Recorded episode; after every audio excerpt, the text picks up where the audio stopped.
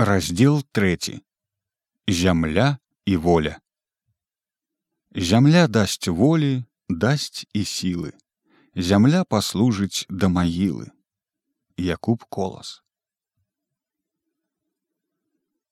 Аднойчы святым днём улетку, калі дзядуля хуліганіў на плошчыце на галоўнай брудзянійскай вуліцы, ехаў міма чацвёркаю ў карэце, жонкаю і з дзеткамі сам пан хвастуноўскі не той пан хвастуноўскі што меў некалі справу з маім прадзедам таго ўжо даўным даўна стачылі чэрві а яго сын. Пра гэтага казалі што з маладосці хварэў на пранцы. Ды залячыўткі за межамі а потым вось нават і жаніўся. Дзядуля і загарлапаніў пры ўсіх людзях. А гнілазады катні сын! Пан хвастуноўскі павярнуўся быў але яму зараз залажыла вушы ехаў і паехаў. Да паноў лаянка людзей ніжэйшых ніколі не прыстае, яны яе не чуюць. Яна толькі потым адгукаецца на кім трэба. Аж выплыў з тратуарчыка, ужо сіваватаю бародкай у доўгім аж да пят і шырокім для паважнасці чорным лёгенькім шаўковым халатоне з янотаваю шапкаю на сівых пэйщиках, як рускі поп, гаспадзін махлярчык і ціханька спалохана сказаў: Ай, хамуйла, Ты так на пана, на яснага пана, Ну цяперачкі папаўся сукін сын. Праўда ж яго. Скончылася справа тым, што надзелу дзядуля не высудзіў, а сельскае вобчаства вёскі жабракоўкі напісала прыгавор саслаць яго як шкоднага і неспакойнага ў далёкую Сібір. Не ўсе, аднак жа члены вобчаства згаджаліся падпісацца. І хоць даўбежка разоў колькі сам мусіў ездзіць да іх на зборкі, ніхто першы прыгавору не падпісваў.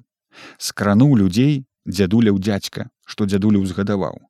Быў ён цяпер сівенечкі дзядочак, беленькі, сохленькі, як святы, і ўсё маліўся Богу на запечку і хоць ужо даўно на зборкі не хадзіў цяпер так сяк прыплёўся з кастылёчкам пацалаваў пану пісару ў руку да лавы прыхінуўся аддыхаўся потым попрасіў у пана пісара дазволу сказаць слова перажагнаўся на абразы павярнуўся да ўсіх сабраных і сказаў як ксён сказанне.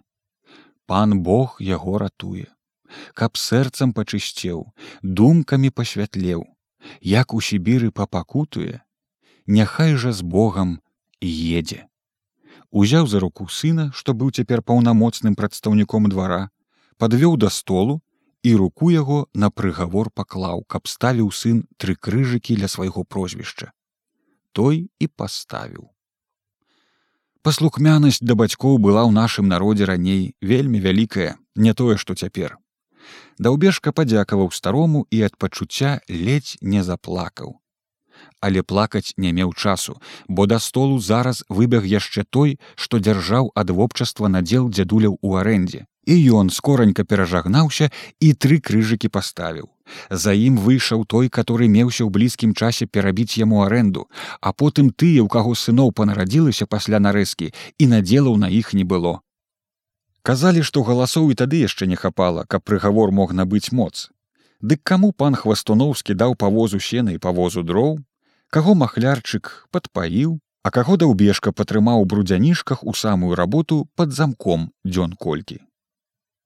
Нарэшце гэта ўжо нецікавыя драбніцы, калі ўсё роўна мусіў ехаць мой дзядуля ў той слаўны горад Томск, што стаіць, як мне казалі на такой прыгожай, быстраплаўнай рацэ томі, у такой прыемнай зялёна-раўніннай мясцовасці, так падобнай да мясцовасці каля мястэчка брудзянішак. Тым часам ехаць туды яму дужа дужа не хацелася. Не столькі з той прычыны, што там сцюдзёная зіма, а ён быў малакроўны, колькі з той прычыны, што не па яго стала. А калі ехаць усё ж такі прыйшлося, дык дзеля пэўных меркаванняў паехаў спярша адзін, а бабулю з маім бацькам тады яшчэ малым хлопчыкам пакінуў у мястэчку. Бач, думаў, што гэта з ім жартачкі жартуюць меў надзею, што яшчэ дойдзе праўды, абязвінніца перад начальствам і ў блізкім часе вернецца назад. Назад у брудзянішкі, ці нават наўмысля ў жабракоўку. На свой надзел на злосць усім. На злосць усім сабе на радасць. Надзея матка дурных кажа старая прыказка шмат каму вельмі нялюбая я і сам некалі цярпець яе не мог.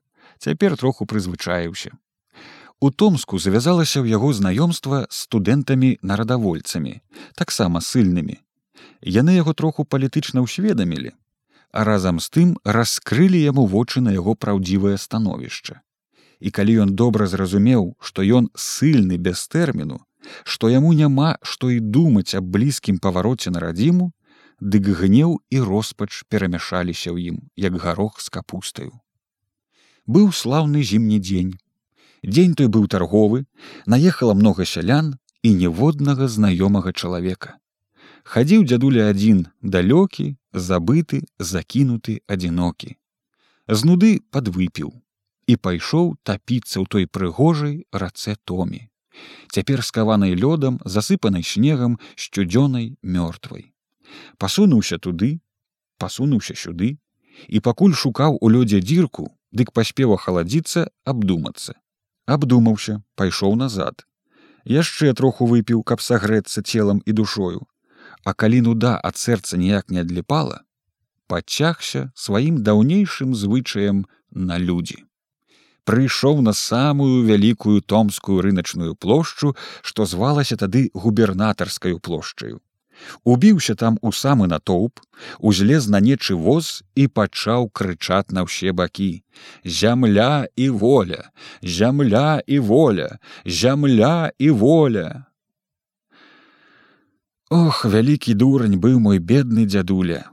Крыкнуў мусіць не шмат разоў, а паехаў яшчэ далей у той слаўны горад краснаярск, што стаіць, як мне казалі на магутнай рацэ енісеі у надзвычай хорошай мясцовасці каля высокіх гор, пакрытых як шапкаю вечна зялёную хваёваю тайгою. І пражыў там дзядуля амаль што да магілы.